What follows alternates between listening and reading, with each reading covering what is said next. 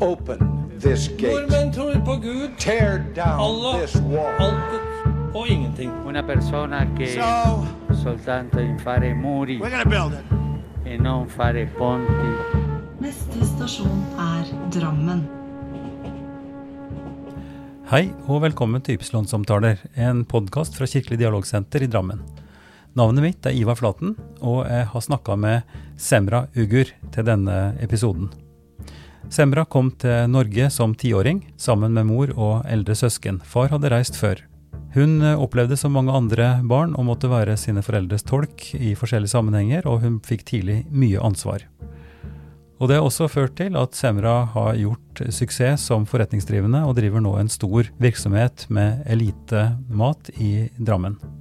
En virksomhet som så klart også merker nå følgene av koronautbruddet, eh, og må ta tiltak i butikken på bakgrunn av det. Semra har sjøl opplevd eh, det som mange gjør, nemlig at de tenker at oppholdet i det nye landet skal være relativt kortvarig, og at en vil tilbake igjen eh, for å bo og etablere seg i hjemlandet. Den som eh, på den måten har kroppen sin i Drammen og hodet i Tyrkia, f.eks., vil ha problemer med å finne seg til rette og slå seg til ro. Dette har Semra og familien også i høyeste grad kjent på kroppen. De eh, prøvde å flytte tilbake igjen til Tyrkia i 1996, men kom tilbake igjen til Norge. Ja, Semra Ugur, takk for at du tok deg tid midt i en travel eh, butikkhverdag for å snakke med meg. Eh, Vi er midt i nokså vanskelige tider. Hvordan er det å være butikksjef og drive en stor butikk nå i disse koronatidene? Det var litt ekstra krevende, fordi det må være noen ekstra tiltak til da, for at vi skal klare dette her uten å være til smitte eller å prøve å unngå å bli smittet. Mm. Eh, Jeg har jo vært i butikken din veldig ofte, og, og du har et ganske stort lokale, men det er jo også ganske trangt. Hvordan klarer du å, å regulere det? Er folk lydhøre? Forstår de eh, alvoret i dette? Eh, først og fremst så har jeg prøvd å satse mest på rengjøring nå, så vi har um, um, Jeg har satt en ansatt bare for å rengjøre i butikken hele tiden. Mm. Uh, Der hvor folk tar på kurver, eh, håndtak, uh, gulver, kasser. Alt dette blir jo regelmessig rengjort. Ja. eh, Mye hyppigere enn hva vi har pleid å gjøre. Mm. Eh, Og så har vi hengt opp plakater på forskjellige språk, da. Mm. Men, men du, har jo, du har jo kunder som snakker helt sikkert veldig mange forskjellige språk. Eh, og eh, for, eh, Har du inntrykk av at de forstår alvorlighetsgraden i, i Ja, det tror jeg. Det er, um, nå lever vi i en verden hvor uh, sosialmediene er også veldig aktive, ikke sant? så jeg tror alle har fått med seg det. Fordi korona er noe som herjer i hele verden nå. Mm. Og jeg tror nesten det er umulig at de ikke forstår. For Om de ikke klarer å snakke norsk, så tror jeg de alle følger, følger um, eh, mediene på sine språk. Ja, ja. Nettopp. De fleste er um, de fleste er innforstått med det. Mm. Eh, og du, Semra, du eh, kommer jo også fra en av de største, vi, hvis vi skal si minoritetene i Drammen, det tyrkiske miljøet. Eh, og, og du er omtrent like gammel som eh, innvandringen til, til Drammen. Kan du, kan du fortelle litt om, eh, om din barndom, og ja, fra starten av egentlig, sånn at vi som hører på kan bli litt mer kjent med deg. Hvor ble du født hen? Jeg um, kommer fra Tyrkia. Jeg er født i Egerhavsområdet, i en liten by som heter Orsak. Jeg var ti år da jeg kom til Norge. Mm, Jeg er en familie på fem, okay. mor og far, og jeg har en eldre søster og en yngre bror. Mm, Um, pappa hadde kommet til eh, Norge mye tidligere, jeg tror han kom i 1974. Mm -hmm. uh, men meningen var jo at han ikke skulle bosette seg her. Da. Han skulle, jeg tror han skulle kjøpe en traktor, tror jeg. det var det, tror jeg. ja. Men i mellomtiden så døde bestemor på landsbyen vi bodde i huset deres. mhm. Og etter seks måneder så ville bestefar gitt seg på nytt. Ja, Og da var det ikke plass for oss i huset. oi. Derfor så måtte vi følge etter pappa i 1980. Ganske dramatisk egentlig da. Um, Brått og dramatisk. Egentlig, ja, det var ikke godt planlagt, skjønner du. Nei. Men, um, men Semra, si, si litt om, eh, om stedet dere bodde. Altså Han skulle ha traktor, betyr at dere hadde en bondegård, eller hvordan, eh, hvordan levde dere i din Mm, tidlige eh, barndom? Den gangen, den gangen så var det jo en landsby eh, hvor det var litt mer spredt, litt mer luft. eh, Mhm. Eh, alle hadde en eller annen liten drøm, tror jeg, den gangen. Fordi det som var eh, mm, Så fra den landsbyen jeg kommer fra, der er det ikke så veldig mange eh, som har reist til Tyskland. Men generelt sett i slutt, altså begynnelsen av 1960-årene, mm. så var det jo hopetall av tyrkere som har reist til Tyskland, som Tyskland trengte i sin industri. Mm. Og det var mer avtaler mellom statene, mellom Tyskland og Tyrkia, hvor, uh, um, hvor folk som hadde god helse, fikk lov til å reise Ja. Tyskland. Så jeg tror det har startet litt med det. Men så var det øh, mest øh, berømte landet etter Tyskland var jo kanskje Danmark. fordi flesteparten av de som kommer fra min landsby, de bor i Danmark nå. Ja. Eller de har en eller annen familiemedlem som har bosatt seg i Danmark. Eh, så det er en liten brøkdel som er i Norge. Mm. Eh, så på den tiden så var det jo mest eh, unge menn som har reist til utlandet for å tjene penger og sende det til familiene sine, men så ble det jo familiegjenforeninger etter hvert. Mm. Uh, eh, men de fleste hadde jo mindre drømmer om å kjøpe en traktor eller tjene litt penger eller betale lån. Mm.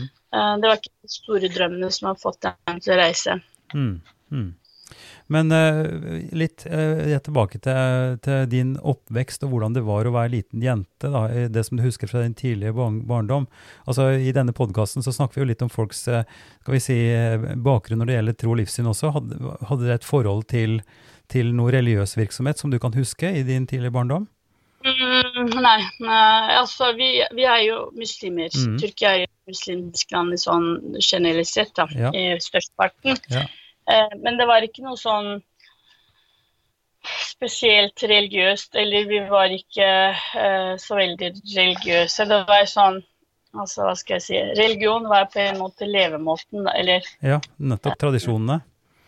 ja, tradisjonene, for Mm. å si det sånn. Mm. Det var noe sånn spesielt uh, uh, Det eneste jeg husker, det var bare at på nyttårsaftene Mm. så sa de at det var noen som sa at det er synd å feire nyttårsaften, for at det er de kristne som gjør det. Okay. Så det henger fortsatt sammen. Jeg tror det er, de blander eh, nyttårsfeiringen litt med eh, julefeiringen da, i kristne miljøer. Ja. Det var bare det jeg husker fra barndommen. Det var liksom bak at vi ikke skulle eh, lage noe spesielt godt da, til nyttårsaften. Det er det jeg husker at noen sa det. Men eh, spesielt sett så var vi bare vanlige troende mennesker. Ikke, ikke, ikke til moskeen hver fredag, og, og liksom ikke noe veldig ofte Eh, Det som er tradisjon, da, det er at menn eh, går til moskeene hver fredag for å be den fredagsbønnen. mm. Eller så er det jo folk som drar innom moskeene for å ha de daglige bønnene sine, hvis de vil. Det var ikke Dagens Tyrkia den dagens Tyrkia er jo veldig forskjellige fra hverandre. ikke sant? Ja, ja, Nå er det jo religion mer Jeg tror uh, folk var mye mer ærligere i sin tro av den tiden, da. Ja. Eh, godhet og andre ting var mye mer på plass da, enn å bare fremheve troen på andre måter. Men det, det skjønner jeg, det er jo ganske likt med det vi har i de fleste land, tenker jeg. Altså at vi, de fleste har et, si et, et tradisjonelt forhold til religion. Det er, for oss Mm. kristne er det julefeiring, ikke sant? og det kan være kanskje man drar på fjellet da, til påske og ikke i kirken.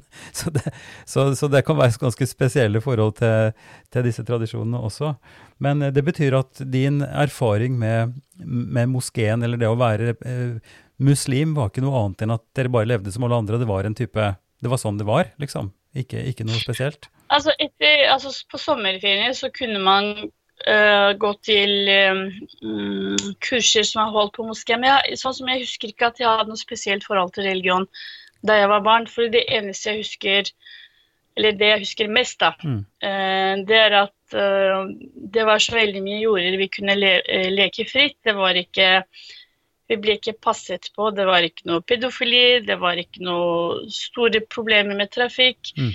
Vi kunne leke ut på jordene, vi kunne finne forskjellige måter. Vi hadde ikke leker, det er ikke det jeg Nei, sier. Vi nei. har ikke dyreleker, vi hadde ikke så veldig mye som vi kunne leke med. Men Eh, vi kunne eh, bare gå ut på jordet, leke med leire. Vi kunne Jeg husker vi har nesten lekt eh, flere uker bare med en brille som var ødelagt, som vi fant eh, ute på gata, og en ball som var eh, utblåst, ikke sant, med, eh, med barna Mm. eh, hos naboene. Mm, mm. Det er liksom litt mer friere, så den um, Det jeg husker mest da, som gir lykkefølelse, det er den når sola begynner å gå ned, så hører jeg mammas uh, rop da, langt unna. Mm. Og da vi hjem igjen. Ja. Så det var liksom litt mer bekymringsløs barndom. Ja. Det er det jeg husker. Ja.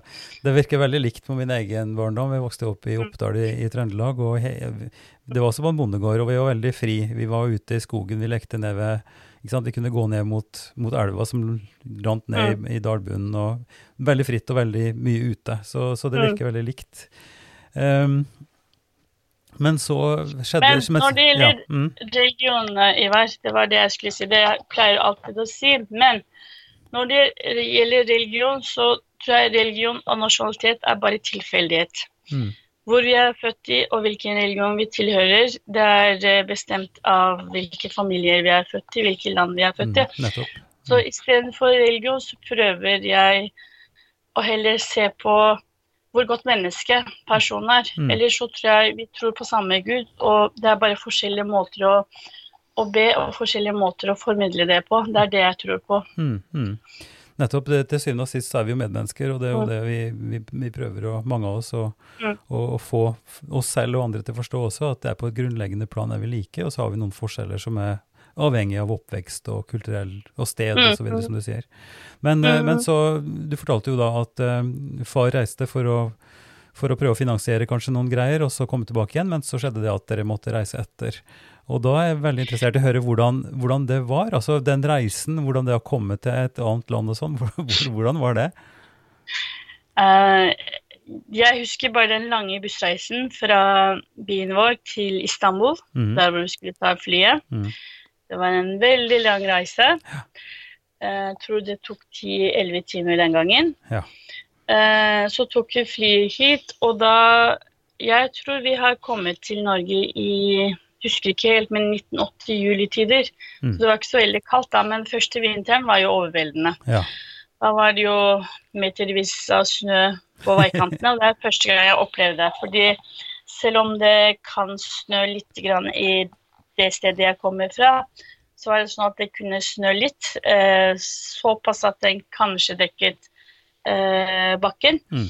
Men eh, om dagen så var det alltid eh, litt sol, sånn at den ble smeltet bort til kvelden igjen. Mm. Men Så ikke her. jeg var Nei, her var det massevis av snø. Mm. Men akkurat nå er det jo også litt mindre snø i Norge, men eh, de første årene vi var i Norge, så var det jo metersvis med snø ved veikantene. Det, husker, det, det er det jeg husker mest, da. Så har vi kommet til et veldig gammelt hus på uh, 18 Andredes gate. Det var et eldgammelt hus med utedo. Mm. Uh, jeg var et barn som var alltid forkjølet om vinteren. Mm. Uh, flere ganger alle år. Mm. Uh, så det er, det er noen sånne Hva skal jeg si Litt sånn eh, Jeg husker bare en gang at jeg ble mm, syk, og så var det veldig kaldt, og så hadde vi sånn um, varmeovn som uh, blåser luft ut, vet du. Mm. Mm. Vifteovn. Husker og ja, men jeg mistet hele stemmen. Pappa jobbet. Uh, lurer på om han hadde nattskift. Uh, og mamma kunne ikke snakke et ord uh, norsk. Hun gikk bort til en eh, bekjent, da. Gråt samtidig og, og lurte på om han kunne ta med oss til legen og sånn, da. Så jeg husker sånne um, og så kanskje drivkraften for at jeg har jobbet så mye uh, etterpå, det var kanskje de øyeblikkene hvor vi hadde uh, veldig lite penger, Mm. og at vi ikke kunne snakke norsk. Mm. Uh, og vi ikke visste hvordan vi skulle takle hverdagslige Nei.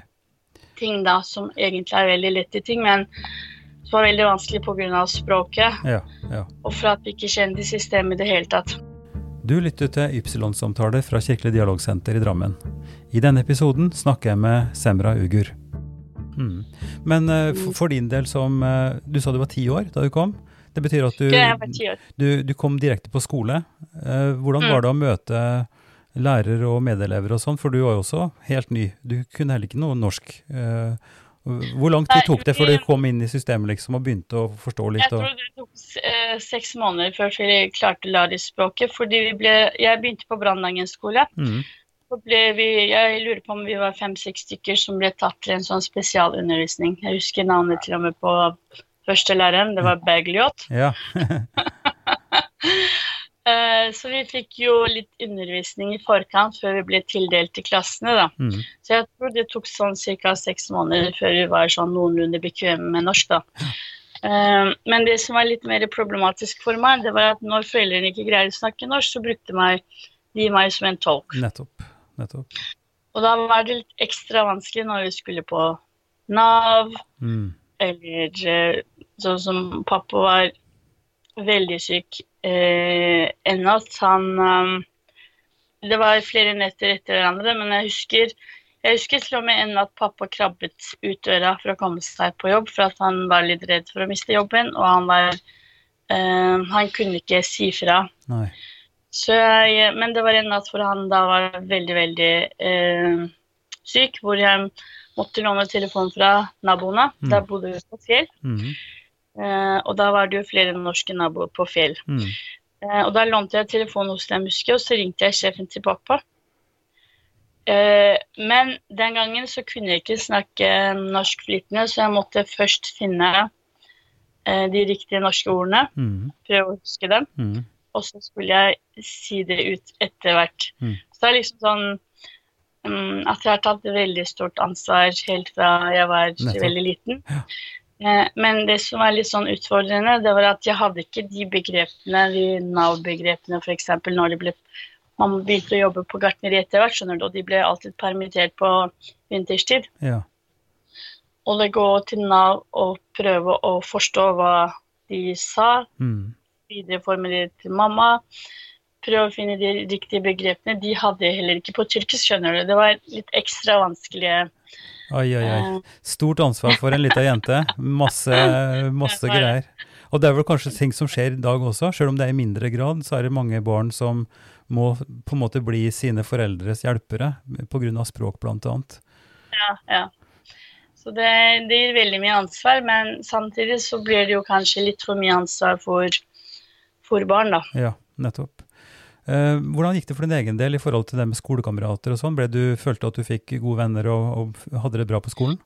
Eh, jeg mener at vi har hatt det veldig bra på skolen, men greia var at mm, vår første år i Norge så mm, hadde vi alltid snakket om at vi skulle reise tilbake. Mm. Eh, Det er kanskje litt dumt når jeg tenker tilbake nå, da. Fordi det har jo egentlig bremset oss litt, mener jeg. Fordi vi har jo alltid planlagt å reise tilbake, og det var liksom det huset vi skulle bygge i Tyrkia, og så skulle vi reise alle sammen. Mm. Kanskje det har eh, på en måte gjort at vi har bremset oss litt, da. Mm. Men generelt sett så hadde jeg ikke noen vanskeligheter. Jeg hadde en veldig fin lærer på Fjell skole, og eh, jeg mener at det har gått bra. Men eh, Det ty alt tyder jo på at det har gått bra med deg. Du, du driver jo en kjempebusiness og har gjort stor, stor suksess eh, for din egen del. Men, men dette å komme utenfra og, og det å ha den forankringen i et annet, på et annet sted, i Tyrkia for dere eh, Interessant det du sa om den tanken på å flytte tilbake. Eh, hvor, hvor lenge, hvis, hvis du kan si noe om det, hvor lenge satt den følelsen i at egentlig så var dette bare midlertidig? Når, når ble det for egentlig så har vi jo reist tilbake til, eh, til Tyrkia i 1996. Mm, ikke for godt, men for en lengre periode. Fordi vi drev også butikk i Oslo den gangen. Mhm. Eh, og i 1996 så har vi solgt butikken videre til en annen, og så har vi reist til Tyrkia. Og da var meningen at vi skulle bosette oss der. Ja. Mm. Eh, men eh, når da sommerferien var over og hverdagen kom, så så vi at den ikke var så veldig mye annerledes enn Norge. Så da, da kom vi tilbake til Norge. Jeg tror den drømmen om å reise tilbake, den var ferdig da i 1996. Rett og slett et realitets, en realitetsorientering. Ja, ja. Så jeg tror øh, mye blir forandret hvis man egentlig forandrer litt på tankesettet sitt. da. Mm. Um, at vi også som innvandrere slutter å føle at vi er um, Hva skal jeg si, hvordan skal jeg formulere det? Uh, hvis du føler at du er innvandrer hele veien, Mm. og føler at du er annerledes og at du må holde deg litt utenfor, Mm. så blir, da tror jeg det blir en bremsekloss for deg selv. Mm. Men hvis du forandrer bare det tankesettet at nå skal du bo i dette landet her, du skal integrere, du trenger jo ikke assimilere deg, men du må Mm. bli godt integrert. Mm. Bare det hjelper eh, å se ting i forskjellige perspektiver, da. Mm. Og det blir kjent med norske folket, og det å bli kjent med norsk historie, f.eks. hvordan de gjør det i Norge. Fordi mm, rasismen den er litt tosidig, da. Fordi Mm. alle har jo um, fordoms, øh, fordomsfulle overfor hverandre som folkeslag, da. Mm. Så nordmenn har det mot innvandrere, men innvandrere har også mot det nordmenn. Mm. Sånn at hvis vi klarer å forstå hverandre, så tror jeg egentlig i bunn og grunn så er alle menneskene helt like følelsesmessig. Men det er bare litt forskjell på hvordan de gjør det. Mm. Mm. Måten de gjør det på er litt annerledes enn hverandre, men ellers så tror jeg savn og sorg og glede og alt dette her, å feire med familie og kjærlighet, alt dette her er samme for alle mennesker. Mm. Det er klart, men, det, men vi lærer å bli mennesker i en bestemt setting. Vi lærer å bli mennesker i et språk, vi lærer å bli mennesker i en bestemt kultur. Så, sånn at vi, vi er jo vi er mennesker, men vi blir preget, da, så klart, av de sammenhengene og den måten å tenke på, hvilke historier vi får høre, hva, hvordan folk snakker med om hverandre. Alt dette her eh, setter preg på oss på forskjellig vis. Men, eh, men, Men det er en- men ja, bare én ting jeg har lyst til å si og spørre om, fordi når du sier at dere kom tilbake igjen etter å ha prøvd å flytte, eller, eller kom til Tyrkia og så tilbake igjen, eh, kan du huske eller si noe om hva slags grep så, Du sier at mentaliteten kanskje måtte snus litt, den måtte snu litt på tankemåten. Eh, Kan du gi noen eksempler på det, eller er det bare ting som har utviklet seg langsomt? Mm, sånn som øh, øh, Altså Sånn som jeg begynte å tenke da, at nå skal jeg lære å kjenne folk rundt meg, ikke sant? Ikke bare si hei og hvordan har du det og, det, men øhm, nå har jeg mm, flere norske venner rundt meg, hvor de også forteller litt om barndommen, hvordan, altså litt om familiene sine. Og da ser jeg tydelig at alt det de forteller om, eller no, eldre norsk øh, familiehistorier, det er helt like. Mm. Noen ganger så snakker jeg med noen, og da føler jeg at dette her skjer jo på landsbygda, denne har skjedd på landsbygda mi. Mm, mm. Eh, Så det er liksom samme historie, samme fortellinger om familiebakgrunn, eh, livene og sånn. Så da, da mm, blir du litt mer avslappet og møter folk på en helt naturlig måte enn som man vil. Altså, OK, at man er um, At vi respekterer hverandre og at vi er veldig høflige mot hverandre, det er én ting. Men hvis du er høflig hele tiden, da har du på en måte litt sånn usynlig barriere for å komme videre. Mm, Men hvis du tar vekk og møter mennesker eh, litt mer naturlig, da klarer du å komme inn på dem. Du kan snakke om små hverdagslige ting. mm, mm, Um, kanskje noen andre ting du, vil snakke om som, er, som du har på hjertet. Det er sånne ting jeg snakker om, mm, nettopp. hvor det er litt annerledes. Nei, Og fordi, så ja. sånn, Når det gjelder økonomisk sett, da, så har jeg jo da um, prøvd å skape meg litt et Altså kjøpe et hus første omgang. Um, satse noe mer økonomisk her i Norge. Mm, Og prøve å gjøre det enda bedre enn å, enn å overleve, da. mm. Så første, første um, eh, motto er kanskje prøve å overleve økonomisk, men eh, hvorfor ikke gjøre det like bra som nordmenn, eller bedre enn dem, f.eks. Det var liksom disse tankene som har kommet på plass etter hvert. Men du sier fremdeles vi og dem. Eh, På hvilket tidspunkt, Semra, vil du si vi, og så gjelder det hos alle? Men vi og dem, altså Vi og dem. jeg mener at du kan ikke bli ehm, Når jeg sier vi og dem, det er jo for å på grunn Altså for å på en måte skille ehm, hva vi snakker om nå, da. Ja, det sånn skjønner jeg. Ja da, Men- jeg bare tuller litt, men det er, men det er jo også eh, alvor i det. Jo, men Eh, men eh, hvis vi da skal være litt mer realist, så er det noe jeg blir minnet på hele veien. Sånn som vi har jo startet med å snakke om korona, f.eks. Mm. Alle butikker har helt sikkert fått noen instruksjoner om hvordan de skal um, eh, være Altså hvordan de skal drive butikken i koronatider. Mm. Jeg har jo fått både telefoner og besøk fra Næringsmiddeltilsynet og smittevernkontoret. Men jeg har i tillegg fått besøk fra politiet, hvor de har sagt at de hadde fått uh, beskjed av sjefen uh, for å komme til butikkene og si fra at det er for mye folk. Og hvis jeg ikke minsker uh, Eller hvis jeg ikke klarer å holde kontroll, så skal de stenge butikken. Hmm. Eh, hvis vi da går tilbake til det, hvor mange Kiwi-butikker, Rema-butikker, minibutikker har fått besøk av politiet, tror du, Ivar? Det er et veldig godt Så- spørsmål. Det er et veldig godt spørsmål, ja. Det er derfor du blir jo minnet på det, ikke sant? Sånn som um, når vi snakker f.eks., så er det på like fot når du har venner rundt deg, eller sånn generelt sett så er du ehm, lik, men sånn som ehm, noen ganger sånne, i sånne spesielle situasjoner, eller enkelte situasjoner, så kan hvem som helst komme og, øh, øh, og snakke, altså prøve å være sjefete overfor deg, ikke sant? som Mm. du ikke har myndighet, godt myndighet nok til å klare det på egen hånd. Mm. Og da føler du det, da. Mm. Det er, altså, direkte rasisme har jeg aldri følt, men det er sånne ting da som gjør at øh, Uansett om jeg sier vi, Mm. uansett om jeg sier jeg er norsk, Mm.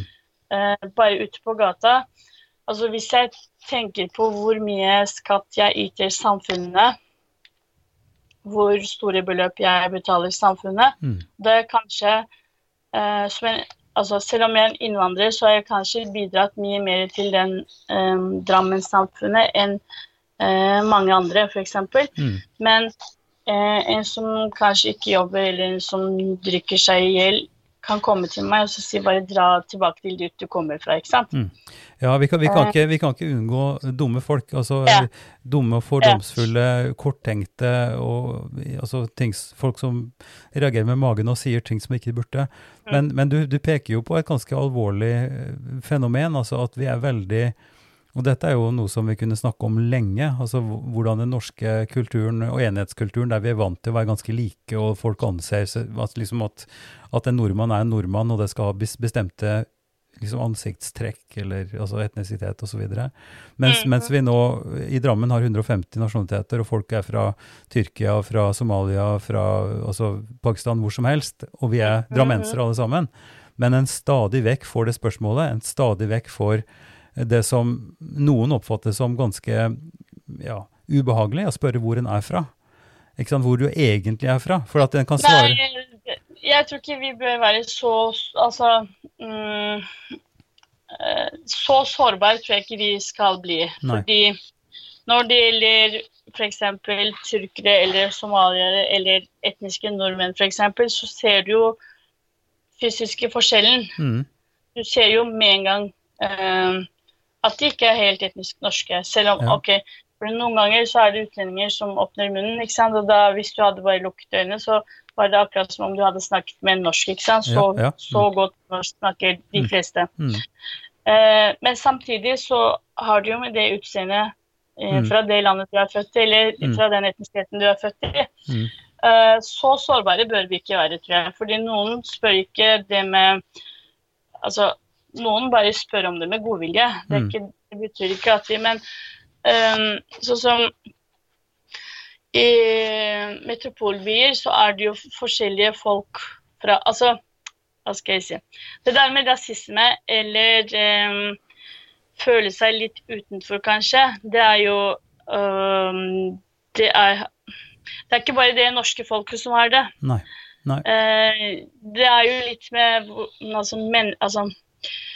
eh, hvordan menneskene har det. ikke sant? Om, vi, om det ikke hadde vært utlendinger her, så var det jo nordlendingene som hadde hørt det i Oslo sin tid, har jeg hørt. Ja, ja. I Drammen også. Man, man så boligannonser der man sa hybel til leie, men ikke for nordlendinger. så Ja, det, sant? Så ja.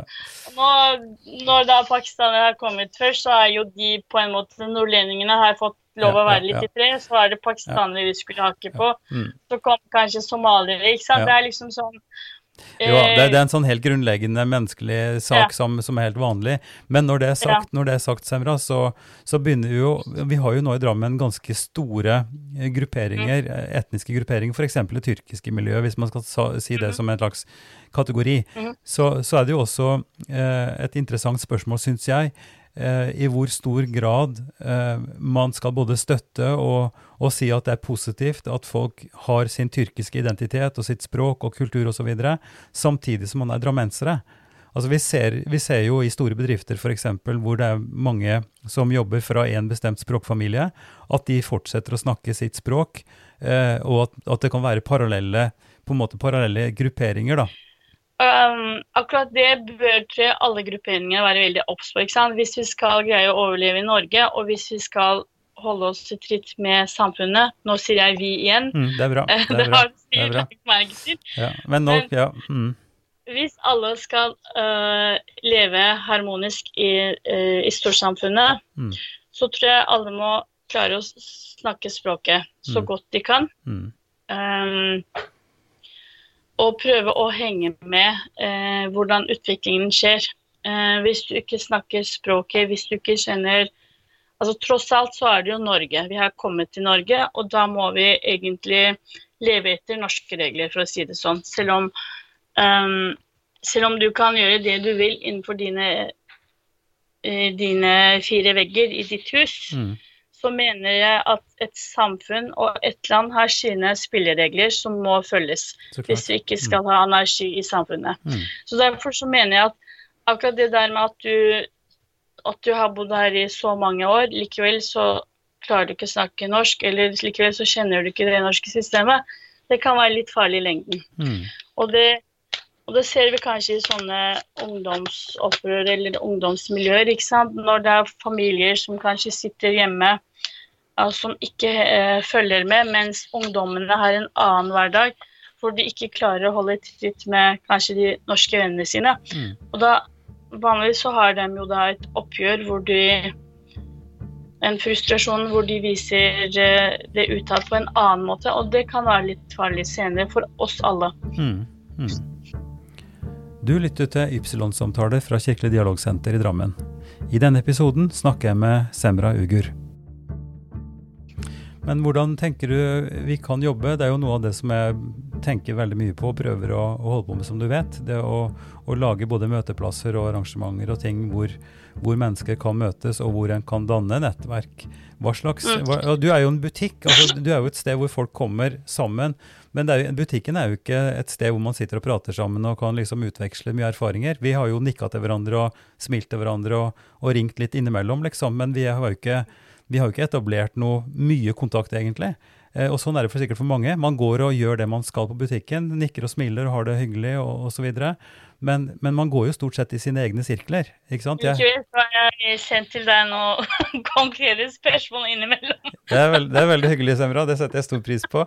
Og det er veldig hyggelig at vi snakker sammen nå. Men, men du skjønner hva jeg spør om, ikke sant? Hva, hva, skal til, hva skal til for at vi skal på en Men jeg tror hvis vi skal klare å få med alle mm, Jeg tror alle mennesker um, forventer respekt uh, på sin identitet. mm, jeg tror kanskje du gjør en veldig god jobb og, uh, i den forstand, men hvis vi ikke ser ned på mennesker, men um, at vi er i At vi tar alle menneskene under samme um, Eller med den samme respekten, hvis vi møter alle mennesker med den samme respekten og prøver å uh, holde dialog, Mm. eller jeg veit ikke egentlig, jeg har ikke noe konkret svar på hvordan vi kan knekke den koden med at vi skal holde oss innenfor boblene våre. mm, Eh, hvis vi bare får uh, den tankegangen vekk at det er sånn som du sier, vi og dem, mm, mm, eh, og de angriper oss, eller de liker ikke oss, mm,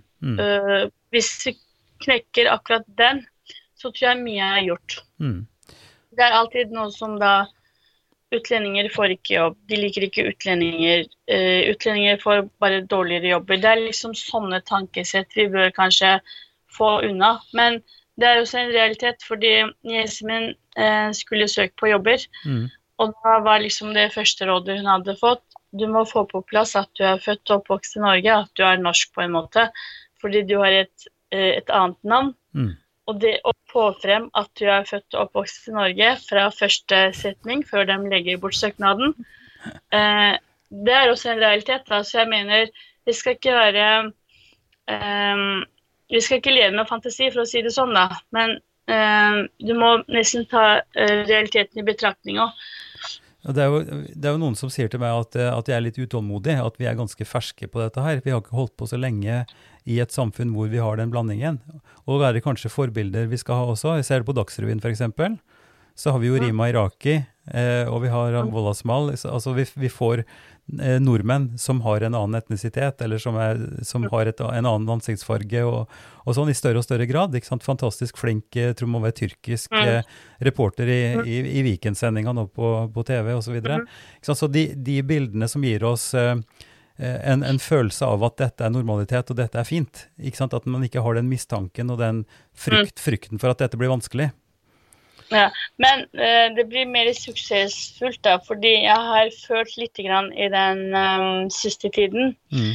uh, at hver enkelt politisk parti har fått en eller annen eh, eh, med innvandrerbakgrunn eller med eh, ikke-etnisk norske. da. Ja, ja. Eh, sånn som det er ett eksempel der, ett eksempel der, ett eksempel der, på en måte. All, nesten alle partiene, til og med Frp, har jo fått sin eh, på plass. ja, ja. Så at istedenfor å ha sånne, hva skal jeg si, mm, sånne figurer, så, sånne frontfigurer vi Mm. har på enkelte kritiske plasser, Mm. Så mener jeg at det å forskjøve det gjennom hele samfunnet ja. Altså, jeg mener ikke at uh, alle utlendinger skal være leger, advokater, ditten og datten, og de skal Mm. være på toppen, ikke sant? Sånn som hvis jeg snakker om tyrkiske innvandrere. Mm. De fleste tyrkere som har kommet hit, de kommer fra landsbygda.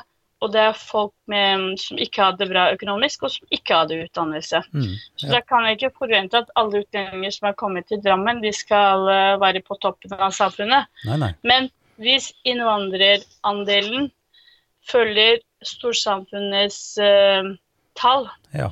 Mm. at uh, noen faller ut, noen blir yrkesfaglærte, noen blir akademikere, ikke sant. Hvis vi klarer å følge den trenden, sånn som det storsamfunnet gjør, Mm.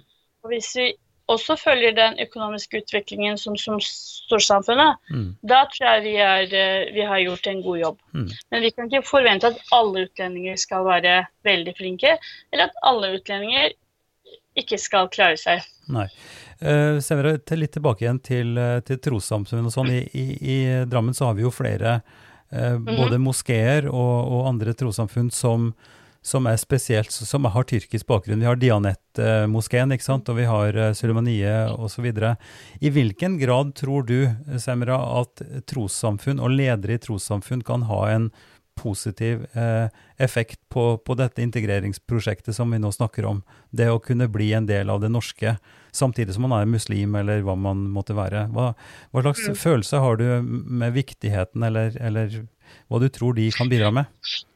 De kan bidra med mye, fordi jeg vet at det er i enkelte trossamfunn så gir dem eh, råd og anbefalinger til samlingene. Mm. Og da er det et råd, kanskje en anbefaling, eller eh, samme anbefalingene eller rådene med jevne mellom. Mm.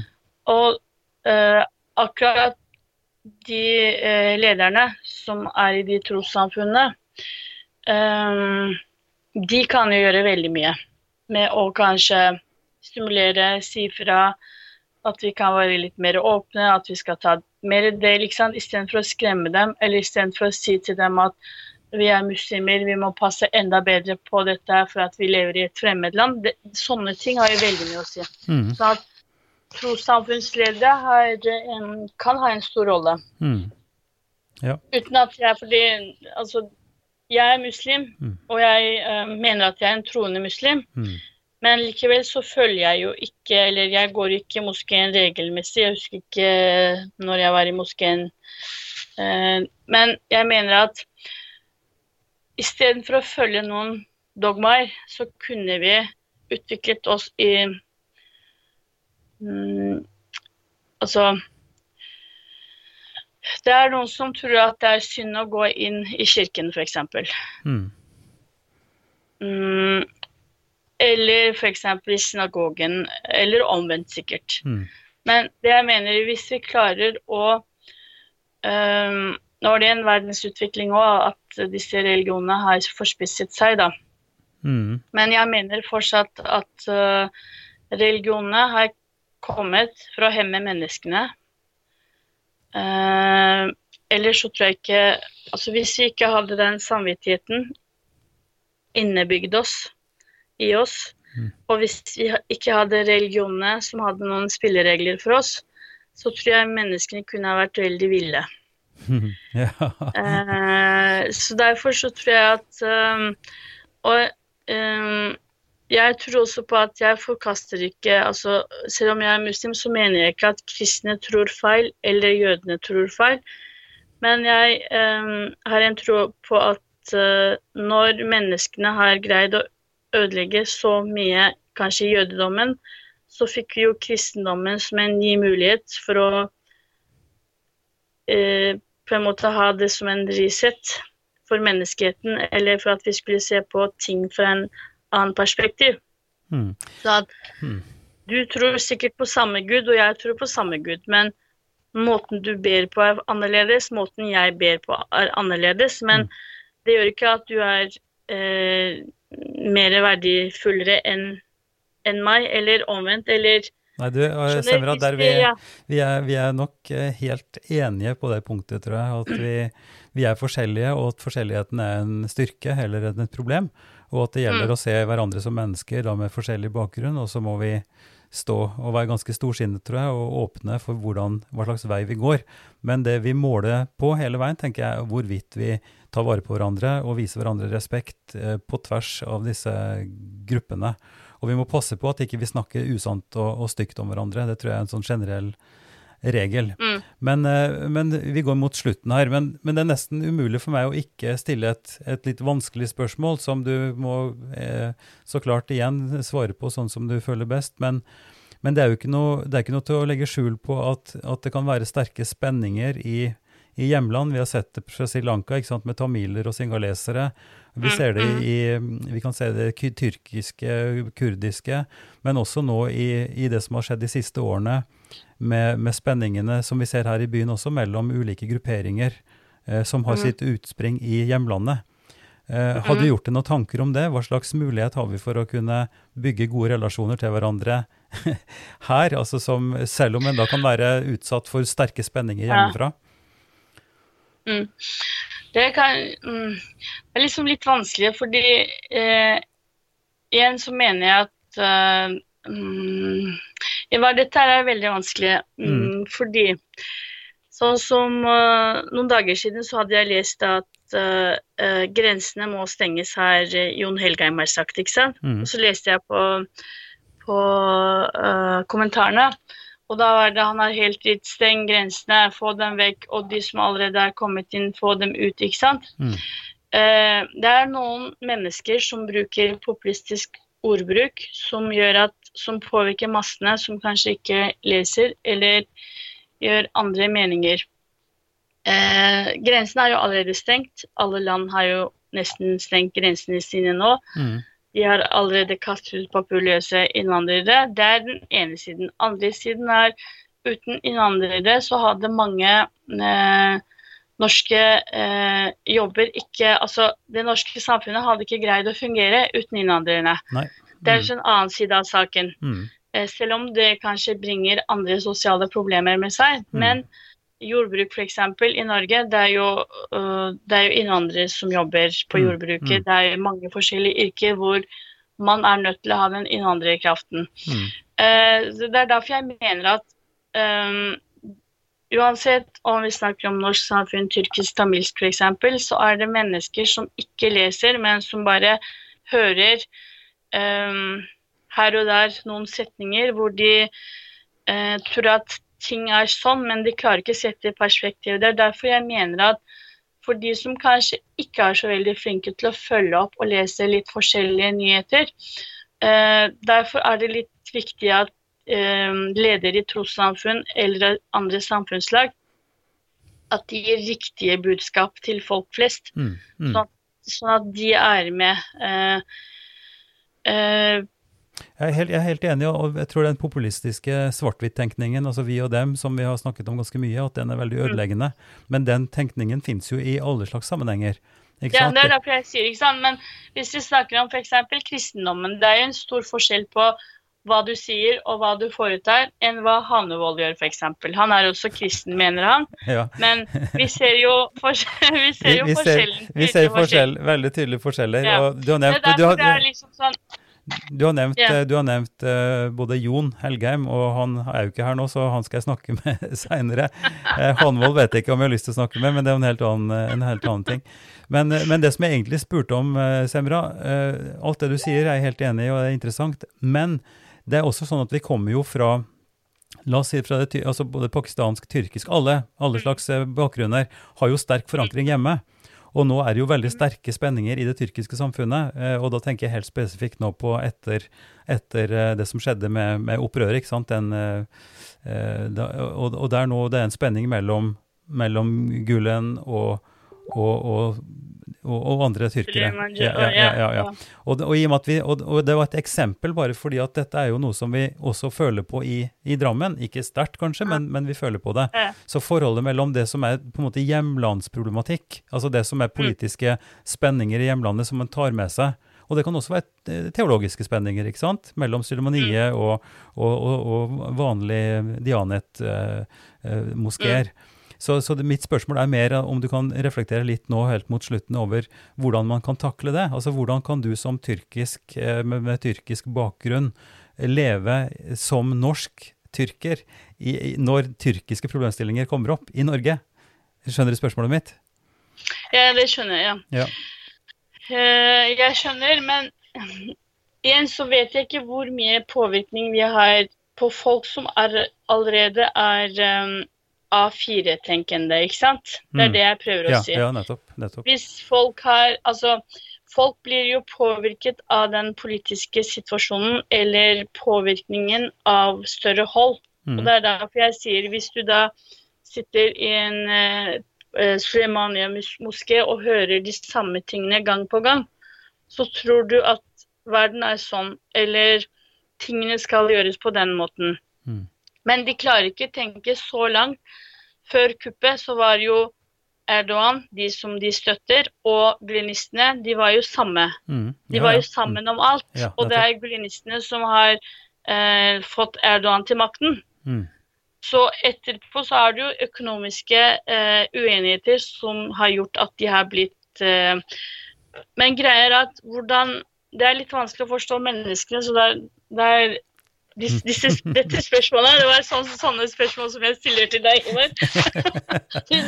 Ja, men det, det, er å, det er interessant å reflektere over det, og jeg, helt, jeg respekterer veldig sterkt at ikke du kan si noe endelig om det, men mitt poeng er bare at vi må erkjenne Altså, også uh, greia er at uh, når jeg snakker, så snakker jeg fra min side, ikke sant? Ja, ja. Men nå er jeg uh, en som ikke tilhører uh, Sleman Altså, jeg har ikke tilhørighet til Slemanien, eller jeg har aldri hatt tilhørighet til glønster heller. Nei. Skjønner du? Jeg er litt mer eh, fra den sekulære Mm. eh, politiske tankegangen fra Mm. Tyrkia, hvor jeg mener at vi bør ha tilbake den religionen som vi kjenner til, hvor vi ikke skulle vise det med skauter på hodet eller forskjellige klesdrakter eller Ja. Mm. eh, Altså, jeg mener ikke at religion handler om hvor mange ganger du eh, besøker Mekka, men hvor god du er mot andre mennesker. ikke sant? Jeg foretrekker å se på andre ting i Koranen enn å kanskje gå i moskeen og sitte der